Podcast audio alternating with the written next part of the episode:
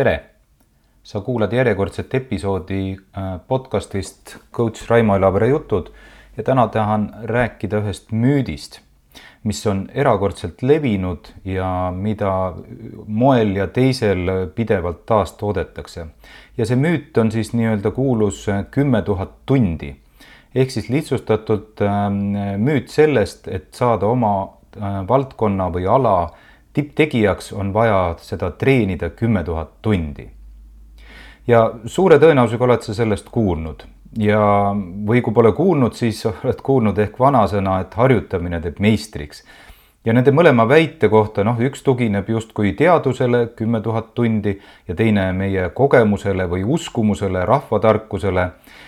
mõlema kohta võiks öelda, nojah võib-olla jah, jah, mingil määral, aga see on kahjuks ainult pooltõde.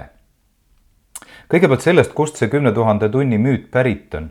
algne allikas on äh, psühholoog Anders Eriksoni ja tema kaaslaste tuhat üheksasada üheksakümmend kolmandal aastal tehtud eksperiment ja nad tegid seda Berliini muusikakoolis ja, ja tegid seda täpsemalt seal õppinud äh, viiulimängijatega.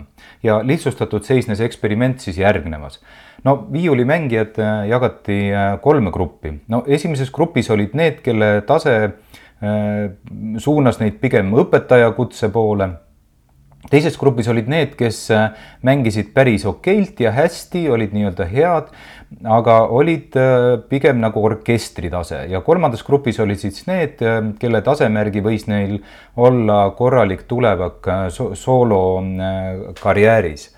Ehk siis sooloesinejana, sooloartistina ja siis paluti neil kõigil märkida mitme kuu jooksul iga päev üles oma tegevused ja lisaks uuriti ka nende tausta, palju nad on äh, harjutanud, palju, mitu aastat tegelenud, palju elu jooksul harjutanud, mis on päevarütm, mis tüüpi harjutusi nad teevad ja, nii edasi ja nii edasi. ning tulemuseks saadi siis äh, järgmised andmed. no esimese grupi tegijad harjutasid selgelt vähem kui teise ja kolmanda grupi äh, õpilased kui, kui mäletad, esimeses grupis oli siis need, kes siis, kelle tase oli pigem siis pedagoogi või õpetaja tase ja, ja teine ja kolmas grupp, äh, nemad omakorda harjutasid enam-vähem võrdselt ehk siis need, kes olid head nii-öelda orkestri tase ja sooloartisti tase, nemad harjutasid enam-vähem võrdselt. ent mis enistas siis eksperti äh, teinute sõnul häid nii-öelda väga headest, oli eelkõige ja peamiselt see, kuidas ja mida nad harjutasid. Ehk siin me jõuamegi jutuga selle nii-öelda kuulsa teadliku harjutamiseni, mingi konkreetse võimekuse järjepideva arendamiseni, ehk siis treeniti järjekindlalt oma nii-öelda nõrkusi või nõrka kohta, kogu aeg tagasisidestati, seal on erinevad parameetrid, et kuidas mul läheb, kuidas mul sellega on ja siis harjutati seda, mis nii hästi ei lähe ja kogu aeg prooviti siis edasi minna. ja see muuhulgas tähendas ka rohkem üksi harjutamist, mitte nii-öelda bändi tegemist ja nii edasi ja seega väitsid Erikson ja ta kaaslased, et just teadliku treenimise maht, teadlik treenimine ja selle maht oli see eristaja, mis tegi vahe sisse heade ja väga heade vahel. ehk tipptegijaks, äh, sooloartistiks antud juhul siis äh, saab see või sai see, kes tegeles rohkem selle teadliku äh, treenimisega ja kust siia tuli siis see kümme tuhat tundi, see niisugune ilus ümmargune number, see on keskmine tundide arv või noh, umbes keskmine tundide arv tegelikult, mida tipptegijad, need soolokarjääri äh, tegijad või soolo, potentsiaalsed sooloartistid olid siis treeninud enne, kui nad said umbes kahekümne aastaseks. ehk kui nad lõpetasid selle, äh, selle kooli. ja siis olid nad justkui valmis äh, tipus soolokarjääriks küpsed. ehk veel kord see kümme tuhat tundi oli siis äh, umbes see keskmine aeg, kui palju olid harjutanud äh, need, kes olid nii-öelda tasemest teistest üle umbes kahekümnenda eluaastani väga konkreetselt, eks ole. nüüd ja kuidas see siis nüüd äh, massidesse leviks, kuulsaks tegi selle numbri omakorda Malcolm Gladwell ja, ja tema kirjutas circa kümme aastat või natuke rohkem tagasi ilmunud raamatus Outliers Äh, sellest, kuidas ähm, äh, tehti selline eksperiment ja siis ta üldistas seda hästi tugevalt äh, kõikidele või, või, või väga paljudele eluvaldkondadele. Ja tõi seal näiteid kümne tuhandest tunnist, kümne tuhandest tunnist alates Beatlesitest kuni Bill Gatesi ja, ja spordimaailmani. Jah, noh, sellest, kuidas Beatlesid mängisid Saksamaal ikka palju ja, ja nii edasi ja nii edasi, et ehk siis tema loogika oli, et see kümme tuhat tundi, mis võeti viiuldajate eksperimendi pealt, pädeb igal pool ja selleks, et saada tipptegijaks, peab kümme tuhat tundi tegelema teadliku treenimisega. ja siin, nii on sellest kümne tuhandest tunnist saanud justkui ümberlükkamatu teaduslik fakt, mida ta aga kaugeltki pole. tegelikult on see vaid äh, üks selline uskumus, seal on teatud ähm, tõepõhja, jah, see on üks eksperiment, ent ta ei ole kindlasti mitte äh, fakt. Äh, päris maailmas pole asjad kaugeltki nii ühesed ja lihtsad ja võib-olla korraks sellest, miks see kümme tuhat tundi meile nii hästi meeldib ja miks me seda pidevalt taastoodame. no esiteks võib-olla sellepärast, et see annab meile inimestena lootust ja see annab meile noh, praktiliselt kõigile lootust, kes iganes sa oled, kui sa teed piisavalt palju ja noh, teatud moel ka, eks ole, aga kui sa teed piisavalt palju tööd, siis võid sinagi tippu jõuda ja seda uskumust on meis juba väga sügavalt äh, sisse kodeeritud nii-öelda, me oleme, inimkond ongi loomupäraselt kergelt optimistlik, eks ole, aga seda on ka kinnistanud meile meie vanemad äh,, äh natuke ühiskond, võib-olla treenerid või vanasõnad räägivad sellest, noh, alates sellest, et tee tööd, siis tuleb armastus, et kui sa piisavalt kaua tööd teed, siis tuleb armastus, eks ole, meie enda Eesti eripära, eks. Kuni äh, selleni muidugi, et harjutamine teeb meistriks. Ja tagajärjeks ongi see, et, et paljud meist teevadki äh, väga palju tööd, väga palju sõna otseses mõttes, rabavad tunde ja rabavad aastaid. ja, ja neljateisttunnised tööpäevad äh, kontoriinimestel või, või, ka muudes keskkondades, sportlastel nii-öelda plaanivälised salatrennid mida treeningplaanis ei ole, aga mida ikka peab kuidagi tegema, midagi lisaks, eks ole. kõik need on ühel või teisel moel kantud uskumusest, et kui ikka piisavalt palju ja kõvasti teha, siis ma saan tipptegijaks. ja kui ma seda ei tee, siis ma jään teistest maha, olen kehvem, äh, ei saa tipptegijaks, eks. ja samas elu näitab, päris äh, nii-öelda tulemuste mõõtmine ja nende võrdlemine tegevustega näitab, et äh, no kõlab koledalt, aga enamikust meist kahjuks ikka ei saa oma valdkonna tipptegijaid, me võime treenida ükskõik kui palju, kas teadlikult või mitte, aga ei saa. miks see nii on? no seda kümne tuhande kriitik, tunni kriitikat on varemgi tehtud.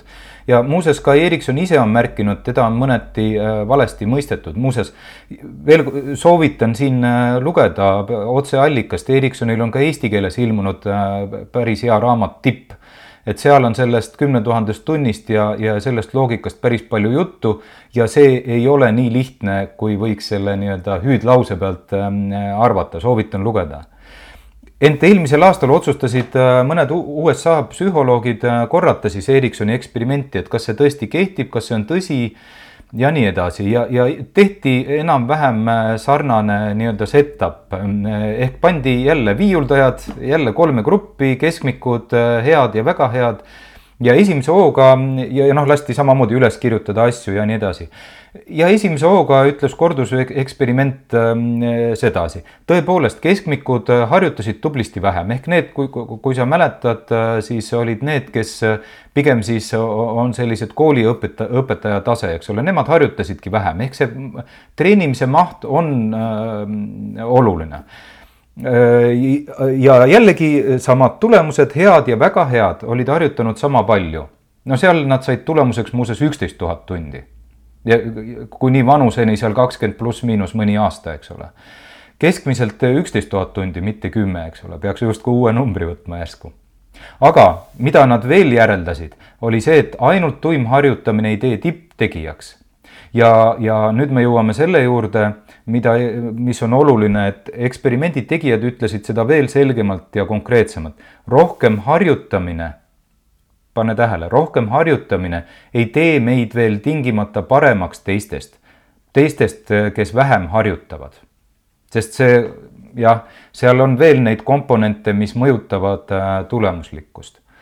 kui äh, Ericssoni testis väideti surmkindlalt, et veelahkme tekitajaks oli see harjutamise sisu ehk siis see nii-öelda teadlik harjutamine ehk see, kuidas ja mida harjutati ja sellest tekkis need erinevused. siis äh, korduse eksperimendi ähm, teinud psühholoogid aga leidsid, et edus tulemuses on teadlik harjutamine vaid üks komponent. ja see üks komponent, see teadlik harjutamine seletas ära vaid antud konkreetse eksperimendi puhul kuni veerandi sellest vahest, mis oli tipptegija ja lihtsalt hea tegija vahel, kuni veerandi. Ja muuseas remargi korras ütlen, et äh, olen ka sarnaseid uuringuid äh, varem äh, lugenud, et spordis ja muusikas on see kuni veerand teadliku harjutamise osa, aga muudes valdkondades on see tegelikult veelgi väiksem. noh, näiteks juhtimise kontekstis meenub mulle, et see mõju tulemusele oli kuskil neli-viis protsenti nii et äh, tipptegijaks teevad ähm, psühholoogide sõnul aga pigem kombinatsioon erinevatest asjadest kui üks konkreetne oskus või nähtus, nagu seda olen ka teadlik harjutamine. see teadlik treenimine on vaid osa tipptegija retseptist. ja aga see retsept sisaldab veel äh, äh, päris mitmeid asju, psühholoogid ütlevad nendest konkreetsemate asjadena ikkagi kaasasündinud geneetika, et mingite asjade jaoks meil on äh, eeldusi ja mingite asjade jaoks on eeldusi natukene vähem. Äh, iseasi, kas need geenid ka, see geenide avaldumiseks on vaja, eks ole, keskkonda, selleni ma ka jõuan. kaasasündinud geneetika, mõnedel on ühesugune lihaskiud piltlikult öeldes ja teisel teistsugune, eks ole.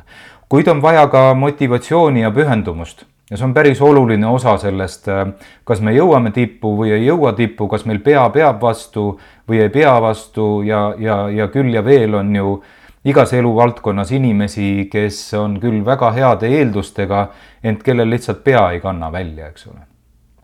E, ent lisaks veel sellele eeldab tipptegijaks saamine võimalust keskkonda et need nii-öelda eelpool nimetatud geenid saaksid avalduda ja, ja eeldab ka teatud õiget ajahetke, mis on keskkonna osa, eks ole. kui sa oled teatud ajal teatud äh, keskkonnas toimetad ja, ja, ja, ja sul seal eeldusi ei ole, eks ole, siis, äh, siis kahjuks see anne jääb äh, välja arendamata või avaldumata, eks ole ja muuseas, et asi oleks veel veidi segasem, ma vabandan, aga mulle meenub veel üks uuring, mis väidab, et harjutamise osakaal edus on suurem äh, pigem nii-öelda traditsioonilistes valdkondades, noh, spordis näiteks tuleb mul esimesena pähe tennis äris on see võib-olla, eks ole, kas tootmine või, või, või, või ka veidi kaubandus, aga noh, mitte nii üks-ühele. ja, ja harjutamise või treenimise äh, osakaal on väiksem valdkondades, mis on uued või, või ja mille reeglid pole nii kindlad ja selged.